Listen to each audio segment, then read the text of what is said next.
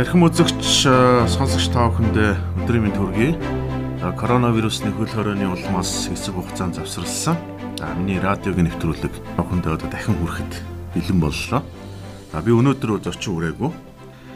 Яг тодорхой сэдвэр өөрөө ярих болно. Тэгэхээр дэлхийн дулаар л уур амьсгалын өөрчлөлт гэдэг асуудлыг бол өнгөрсөн 10 20 жилийн хугацаанд дэлхийн томоохон хэв мэдээллийн хэрэгслүүд, улс төрчид, засгийн газрууд, нэгдсэн үндэсний байгууллага хүртэл маш их ярьж байгаа. Гэхдээ энэ асуудал маань өөрөө тэнцлэг ухааны хүрээнд ч гэсэн улс төр олон нийтийн хүрээнд ч гэсэн нэлээд маргаантай сэдв юм а. Ягаад маргаантай вэ гэхээр дэлхийн дулаарл гэдэг ойлголтыг аваад үзэхээр эн чинь дулаарч байгаа, халуун болж байгаа гэсэн утгаар ойлгоо. За нэгдсэн үндэсний байгууллагын дэргэд бол засгийн газар хоорондын энэ уур амьсгалын асуудал хариуцсан эрдэмтдийн баг байдаг юм а. Гэхдээ энэ баг маань 2009 10 оны үед эрдэмтэд цуглуулж авсан энэ компьютерийн дата мэдээллийг зассан гэдэг ийм асуудал бас орж ирсэн. Тэгэхээр дэлхийд дулаараад байгаа уур амьсгал маш ихээр өөрчлөгдөд байгаа гэдгийг харуулахын тулд дата мэдээллийг зассан байж болох уу гэдэг ийм маргаантай асуудал бий болж ирсэн. За эрдэмтдийн хүрээнд ялангуяа дэлхийн дулаар уур амьсгалын өөрчлөлт хүний нөлөөтэй хүний буруутай үйл ажиллагаа холбоотой гэж үздэг үнийг эсэргүүцдэг талын эрдэмтдийн хэлж байгаагаар юу гэж үздэг вэ гэхээр дэлхийн бол 4.5 тэрбум жилийн настай. Тэгэхээр 4.5 тэрбум жил үүсч бүрлдэж одоо өөрчлөгдөж байгаа энэ дэлхийд бол уур амьсгал өөрчлөгдөж байсан байж таарна гэж.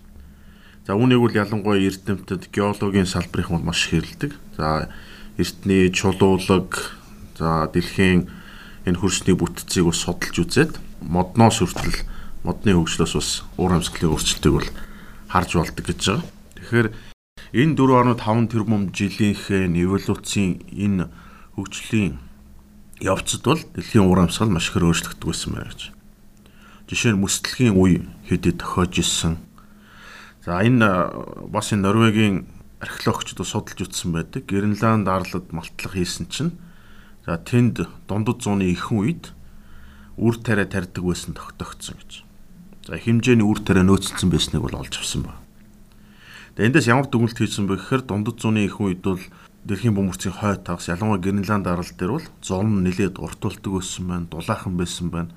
Үр тариа тариад ургуулад хурааж авдаг байсан гэхээр нилээд ийм дулаан байсан байж магадгүй гэсэн зүйл ярьж байгаа. За өнөөгийн Гренландд бол харамсалтай нь үр тариа тарих бол ямарч боломж байхгүй. А гэхдээ бас энэ уур амьсгалынхаа өөрчлөлтийн нөлөөгөөр мөсөн давхарга нь бол багасж байгаа. За энд бол янз бүр ашигт малтмал газрын ховор элементийг олборлох боломжтой болсон гэдэг ийм зүйлийг бас ярьж байгаа. Тэгэхээр дэлхийн дулаарл гэж нэг хэсэг ярьж байгаад одоо болохоор уур амьсгалын өөрчлөлт гээд арай илүү өргөн үрээтэй юм сэдвэр томьёолдог болсон. Тэгэхээр энэ бол нэлээд маргаан тарьдаг асуудал юм а гэсэн ийм үнцгийг бас гаргаад байгаа. За сонирхолтой нь улс төрийн хүрээнд ч гэсэн энэ асуудал нэлээд маргаан тарьдаг. За ажиглаад авах юм бол энэ консерватив чиглэлийн барууны үзэл баримталтай улс төрч засгийн газрууд болохоор а дэлхийн дулаар уур амьсгалын өөрчлөлтөнд хүний үйл ажиллагаа өөрөөр хэлбэл хүний үйл ажиллагаанаас үүсэж байгаа нүүрс төрөгчийн давхар эсэл нөлөөлөөгүй гэдэг ийм тайлбарыг бол илүү баримталж байна. За голдуу зүүнний үзэл баримталтай а ус төрчид за намууд засгийн газрууд болохоор энэ дэлхийн дулаар л уур амьсгалын өөрчлөлт бол хүний үйл ажиллагаа буруутай юм. Жишээ нь маш сонин сонин гаргалаа гаргаж ирдэг. Үхэр үхрийн ферм дижээх, үхэр тижээх, үхрийн мах хэрэглэх нь өөрөө дүрс төрөгчийн давхрын нэмэгдүүлдэг гэж тайлбарладаг. За энэ талаар тэр бомтон Билл Гейтс ур амьсгалын өөрчлөлтийн эсрэг гэдэг нэг миний санаачлах нэртэй ном за нэг 2 сарын өмнө танилцуулж ирсэн. За тэндээ Bill Gates ер нь хүн төрөлхтөө ирээдүйд жинхэнэ үхрийн махын оронд нэг синтетик буюу химэл үхрийн мах хэрэгэлдэг болъё. Ингээм бол нүүрс төрөгчийн давхрастыг бууруулна гэдэг ийм зүйл ярьсан юм. За ингэж ярьсан чинь интернет нийгмийн сүлжээнд Bill Gates-ийг маш их шүмжилсэн. Энэ тэр бомтон Bill Gates чинь өөрөө хамбургер идэх дуртай гэж ярьдаг. Тэгсэн энэ хүн төрлөختнийг дэлхийг аврахын тулд хиймэл үхрийн мах идэнэ гэж ярьж байгаа нь хэр зохистой юм бэ гэж. Дээр нь Билл Гейтс бол Америк нэгдсэн улсын хэд хэдэн мужид асар их том эдлэн газар худалдаж авсан байна. Тэгээ тэр эдлэн газар дээр чухам хүнсний чиглэлийн ямар бизнес эрхлэх гэж байгаа гэдэг асуудал ус хөндөж тавьдаг. Тэгэхээр уур амьсгалыг өөрчлөлт эсрэг хувь нэмрээ оруулна гэж бусдыг уриалж байгаа юм. Өөрийнх нь амьдралын юм уу тэс өөрөн гэж. Жишээ нь яг нүүрс төрөгчийн давхар эслийн карбон ялгаруулж байгаа гэх юм бол хувийн жижиг онгоцнууд бол маш их ялгаруулт юм байна. Гэтэл энэ Холливуудын алдартай одод за энэ хүрээлэн боршиндоо тэмцдэг улс төрчин нийгмийн алдартай хүмүүс ч өөрсдөө байнга биш тийш зорчихдоо хувийн онгоцоор зорчдог. Жирийн одоо ниск компани том том ниск онгоцнуудтай харьцуулах юм бол жижиг онгоц маш их ялгаруулдаг гэж. Тэгэхээр наана гоё зүйлийг амлчаад цаана амьдралын хэм маяг нь бол тис өөр байна гэдгийг бас шүүмжилнэ гэсэн үг. За ерөнхийлөгч Дональд Трамп бүрэн эрхийнхээ хугацаанд Америк нэгдсэн улсын дээч хүүхний 3 шүүгч томилсон байдаг. Та бүхэндээ бас дэлхийн мэдээлэл төлбөр бол ярьж ярьж ирсэн. За Нил Горсоч, Брэд Кавано. За сүүлийнх нь бол Эми Кони Барат гэж эмэгтэй байдаг. За Эми Кони Баратыг Америк нэгдсэн улсын Конгресс Сенатад нэр дэвшүүлснийг явах үеэр одоогийн дэд ерөнхийлөгч болсон Камала Харрис хэд хэдэн асуулт асууж ирсэн. Тухайлх юм бол та тамхи татах нь хор тавдар үүсгэх гэдэгт итгэдэггүй. Коронавирус хүнээс хүнд халдварлагдгүй, маш их халдвартай юу? За уур амьсгалын өөрчлөлтийн талаар та ямар бодолтой байдаг вэ зэрэг асуулт асуусан юм. Тэгээ Эми Кони Барретт бол Нотр Дэм гэдэг их сургуульд төгссөн. За Дональд Трамп нэр дэвшүүлсэн ийм чадварлаг хуульч одоо шүүгч юм ихтэй. Тэгээ Эми Кони Барретт энэ Камала Харрисын тавьсан асуултад бас нэлээд хачирхаж гайхсан байдалд асуусан. Би бол Америк нэгдсэн улсын дээд шүүхэд нэр дэвшиж байгаа шүүгч болох гэж байгаа хүн. За би хуулийн салбарын аливаа асуудлаар бол үндсэн хууль болон бусад хуульд нийцүүлж шийдвэрээ гаргаж тайлбар өгдөг хүн. За энэ надад тавьсан асуултууд бол яг энэ шүүгчийн томилгоонд бол төдийлөн ажил бүгдэлтэй биш гэж үзэж байна. Гэхдээ бид бол танд хариулъя. За коронавирус бол халдвартай. За тамхи татах нь бас тодорхой хэмжээгээр эрсдлийг нэмэгдүүлдэг гэж ярьдгийг бол би хүлээн зөвшөөрнө. За харин уур амьсгалын өөрчлөлт гэдэг бол олон нийт нийгмийн өрөөнд маргаантай байдаг асуудал учраас би шүүгчүүн энэ асуудлаар тайлбар өгөх нь зохимжтой биш гэж үзэж байна л гэсэн. За Камала Харис ч гэсэн хариултанд нь сэтгэл хангалуун байна гэж хэлж ирсэн ба. Тэгэхээр дээд шүүхийн шүүгчийг томилох энэ сонсгол парламентын сонсгол хуралдаан дүртэл энэ асуудлыг ус хөндөж тавьж ирсэн байна. За ерөнхийлөгч Дональд Трамп 2000 өмнөх сонгуулийн аяны үеэр бол дэлхийн дулаар уур амьсгалын өөрчлөлт гэдэг асуудлыг бол нэлээд няцааж ирсэн. Яг л энэ хүний үйл ажиллагаатай яг холбоотой хүн төрлөختөн буруутай гэж бол үзэхгүй байна гэсэн юм зүйл ярьж ирсэн. За үүнийг нь тухайн үед бол нийгмийн нэлээд том асуудал болгож харагдуулаад байгаа учраас Дональд Трампыг хурцаар шүүмжилж ирсэн. За гэхдээ Дональд Трамп бол 2016 оны сонгуульд одоо ялсан. За ялж гарч ирээд харин Парис уур амьсгалын өөрчлөлтийн хилцээрээс Америк нэгдсэн улсыг гаргасныг та бүхэн мэдэж байгаа. За Жо Байден бол сая сонгуульд ялаад буцаад оруулсан. А Дональд Трамп тухайн үедээ болохоор яг шинжлэх ухааны хүрээнд ийм маргаантайгаа асуудлыг бол няцаагаагүй. А юу гэж хэлсэн бэ гэхээр Парисын уур амьсгалын өөрчлөлтийн хилцээр бол Америкийн нэгдсэн улсад асар их санхүүгийн дарамт учруулна гэж.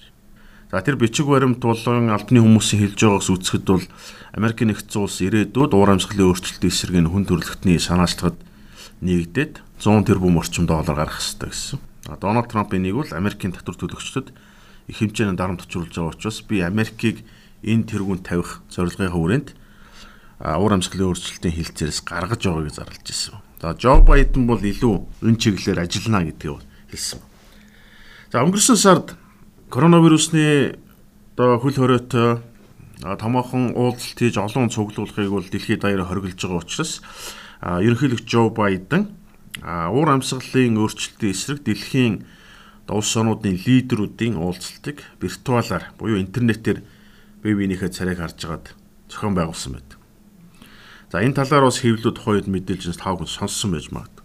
За энэ виртуал уулзалтанд дэлхийн 40 гаруй улсын төр засгийн тэргүүнүүд оролцсон юм. За Оросын холбооны улс, Хятад, Их Британи, Австрал, Турк, Өмнөд Солонгос, Япон, Америкийн нэгдсэн улс гээд дэлхийн аж үйлдвэрчсэн том эдийн засгт маш их эрчим хүч хэрэгэлдэг, нүүр шатаадаг, одоо цахилгаан гаргаж явдаг энэ улсууд оролцсон. За эдгээр улсууд За ирээдүйд уур амьсгалын өөрчлөлтийн эсрэг тэмцэлд манай улсын засгийн газар ямар хувь нэмэр оруулах вэ гэдгээ тухайн виртуал уулзалтын үеэр одоо танилцуулсан өөрөөр амлалтаа өгсөн. За Жо Байден хэлж байна. 2030 он гэхэд Америк нэгдсэн улсад нүүрс төрөгчийн давхар эслийг 2005 оны төвшинтэй харьцуулах юм бол 50-аас 52% бууруулна гэж. За энэ бол маш том амлалт 50-аас 52% гэдэг бол. За Япон 45. За Их Британий хувьд бол мөн бараг 78 орчим хувиар буур боломжтой гэж. Гэхдээ Британий хувьд 2030-ш 2035 он гэхэд.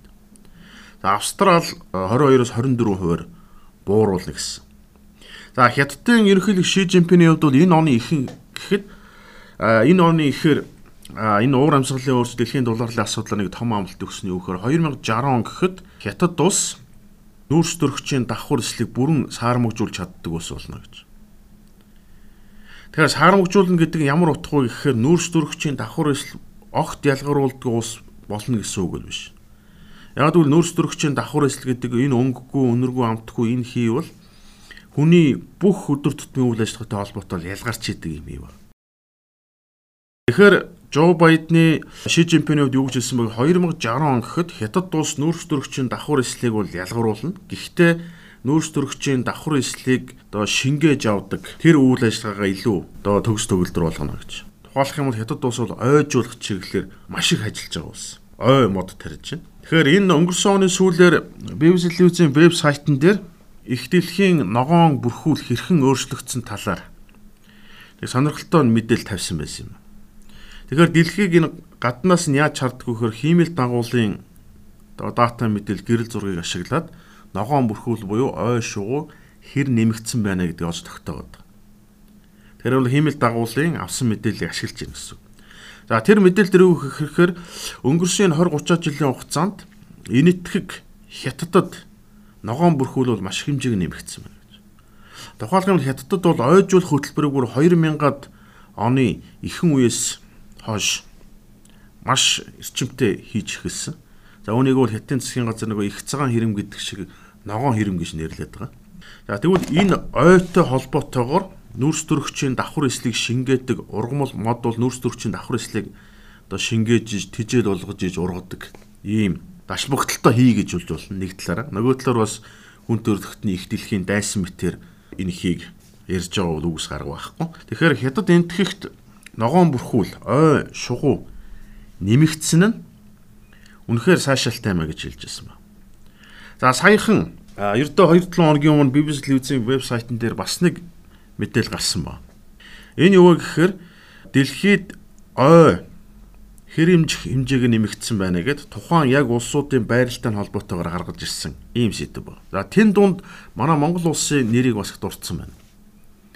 Жишээ нь 2000 оноос хойш буюу энэ өнгөрсөн 20 жилийн хугацаанд яг дэлхийд даяар Франц улсын нутаг дэвсгэртэй тэнц хэмжээний ой мод байгалийн жамаар ургасан байна. За энэ бол одоо хүний ямар нэгэн оролцоогүй. За гэхдээ хүний шууд оролцоогүй гэж хэлж болохгүй. Тухайн ой модыг хамгаалах хөтөлбөрийг бол засгийн газраас хэрэгжүүлж болно. Тэр бол нөлөөсөн. Гэхдээ байгалийнхаа жамаар ургаж төлжөөд өтгөн ой болсон нийт нутаг дэвсгэр бол Франц улсын нутаг дэвсгэртэй тэнц хэмжээний гэж. За тэр дундаа энэ Бразилд бол нөгөө Атлантын ой гэж байдаг. Атлантын далайн эргийн дагуу энэ сунж тогтсон юм том ой байна. За энэ ой бол Нидерланд улсын нутаг дэвсгэртэй хэмжих тэнц хэмжээний тийм шинэ ой бий болсон гэж. За мөн Африк төв, Аз төв хэд хэдэн улсад ой бол нэмэгдсэн байна. За тэр дундаа Монголыг ягаад дурдсан бэ гэхээр Монголын хойд нутгаар. За та бүхэн хойд нутгаар гэж тооцох юм бол Сэлэнг, Хөвсгөл ч гэдэг юм уу хойд зүгийн Монголын нутгуудаар 1.2 сая га талбайг хамарсан ой шинээр ургаж бий болсон төлөлдсөн гэж байна. Ялангуяа Монголын хойд нутаг болон Орос Монголын хөлийн дагуу гэсэн үг. Тэгэхээр байгаль өөрөө жамаараа ингэж ой бий болдго юм байна. За тэр ойд байгаа биологийн төрөл зүйл нь болохоор зохиомлоор буюу хүмүүсийн тарж ургуулсан ойгоос бол хамаагүй баян байдаг гэж. Тэгэхээр BBC телевизийн вебсайт дээр юу гэж хэлсэн бэ гэхээр хүн төрлөختөн нөлөөтэй гэж бол үзэж байгаа. Гэхдээ байгаль өөрөө жамаараа ургаж төлжиж болдгийм байна. Иймх чадвартай мэндийг харуулсан гэж хэлсэн байна. За тэгээд үндсэн сэдвтэ бол оръё. За ингээд тухайн уур амьсгалын өөрчлөлтийн эсрэг дэлхийн улсуудын амлалтыг бол Жо Байден авсан. За тэр амлалт өгөхөд бол Австрали улсын хувьд жишээ нь 22-оос 24 хувиар бууруулна гэдэг амлалт өгсөнд Жо Байден нэлээд дургуутсан юм байна. За энэ талаар бол баруун зарим барууны консерватив чиглэлийн хэвлэлүүдээр бол юу гэж хэлсэн бэ гэхээр Япон 45 гэж хэлчингүүт нь Австрали 20 гэж хэлсэн. Тэгэхээр Австрали илүү доогуур амлалт өгсөн гэж нэлээд бухимдсан байж магадгүй байна гэж. За Австралид холбоотой бас нэг асуудал яригддаг. За ялангуяа Австрали бол нүүрсний маш их нөөцтэй.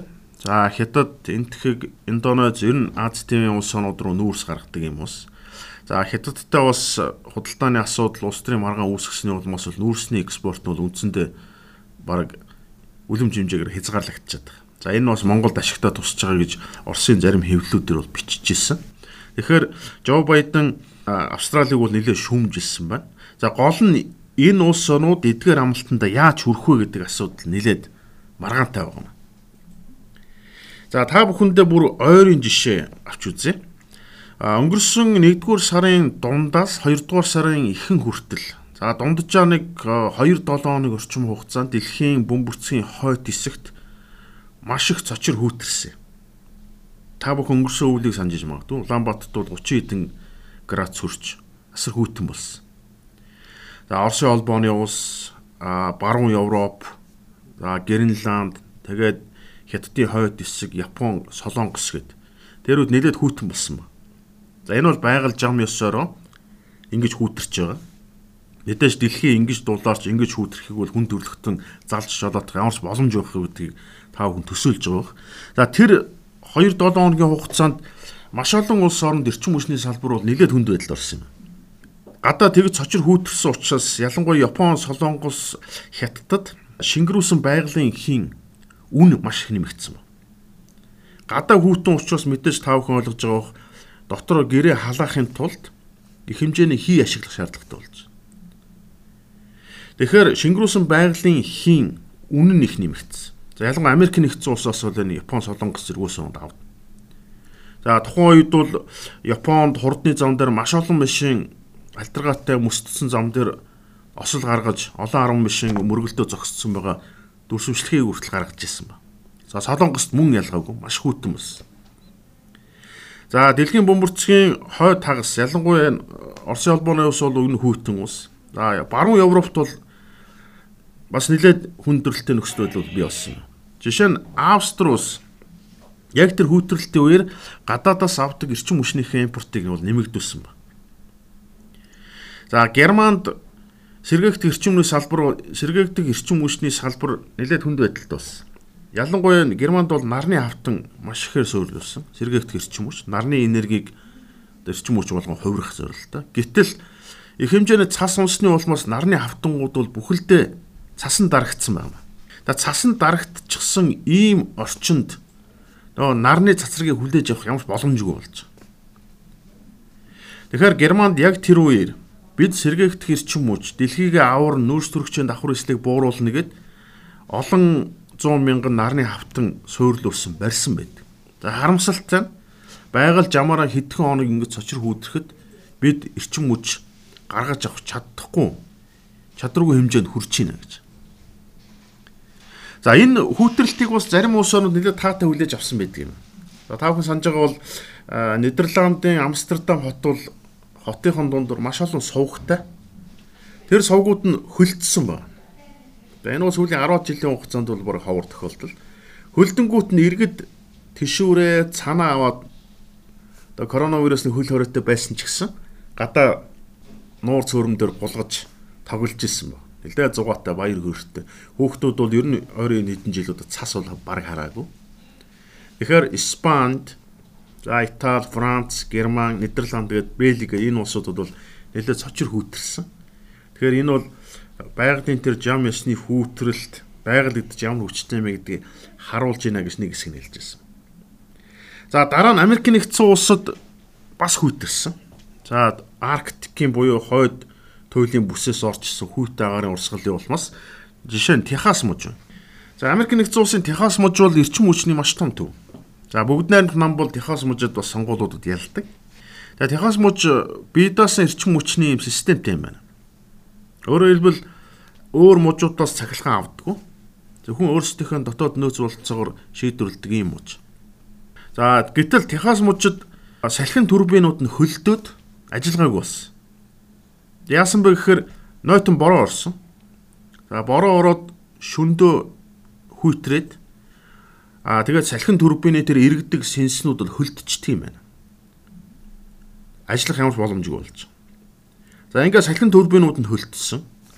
За тэр байгалийн хий болон усны шугамуд хүртэл хөлдсөн байна. За ингээд тухайн үед бол Америк нэгдсэн улсын Техас мужид ямар нөхцөл байдал үүссэн бэ гэхээр эрчим хүчний асар их нөөцтэй түүхий идтэй бие даасан системтэй тэр муж маань иргэдэн халаалт тасалдсан учраас гэртээ модон тавилгуудаа шатааж дулаацчихсан. Цахилгаан тэн ажиллаулаад. За мэдээж ямар ч боломжгүй болсон учраас маш дулаан хувцснуудаа өмсчихсэн. Гэрийн тавилгаа, модон тавилгаа эвдээ түлж байгаа. За энэ цахилгаан тасарсны улмаас бол энэ ус цэвэржүүлэх байгууламжууд ажиллахгүй болсон учраас крантаар гоожж байгаа цоргоор гоожж байгаа усыг шууд хэрэглэх боломжгүй болсон. Ингээд Техас мужийн иргэд бол бид модон тавилгаа эвдэж түлж байна олон давхрын зузаалаад унтсан ч гэсэн маш хүнд байна. Цэвэр ус тассан учраас гаднаас дэлгүүрээс том баллонтой савтай уснууд авч хэрглэж байна гэсэн ийм зүйлийг ярьж байна. Техас дээр мөн адилхан. Яг тэгэхээр Техас мужи бол өнгөрсөн энэ 15 жилийн хугацаанд маш олон нарны хавтан салхин дүрбэнийг байрлуулсан юм байна. За энэ бол улс төрийн хүрээний засгийн газраас бас шахалт үзүүлэлттэй холбоотой нүүрс төрөгчийн давхар эслийг бууруулах шаардлага тавьдаг. За энэ хүрээндээ Нөгөө л сэргээгт эрчим хүчний том төслүүдийг бол хэрэгжүүлж эхэлсэн юм байна. За харамсалтай нь ердөө 10 орчим хоног үргэлжилсэн энэ хүүтрэлтийн үеэр Техас маш хүнд байдалд орж. Тэгэхээр эндээс ямар асуулт гарч ирж байгаа гэхээр а нүүрс байгалийн хий. Гэт энэ эрчим хүчний хамгийн хямд энэ их үүсрүүт чинь хүн төрөлхтнийг ялангуяа том хотуудыг цахилгаан дулаанаар хангадаг хамгийн найдвартай их усэр хിവэр байна. А гэтэл сэргээгдэх эрчим хүчний энэ төслүүд чи хэдийгээр маш гоё сонсогдож байгаа боловч нэлээд өндөр зардалтай. Дээр нь одоо цочор хүүтрэхэд л ийм ажиллагаагүй болж ийм хүнд байдалд орж ийна гэдэг асуудлыг бол хөндөж тавьсан ба. Тэгэхээр яа харахгүй нэг талаас дэлхийн дулаар уур амьсгалын өөрчлөлт хүн төрөлхтөн хүний үйл ажиллагаа буруутай гэж бол маш хэрж байна.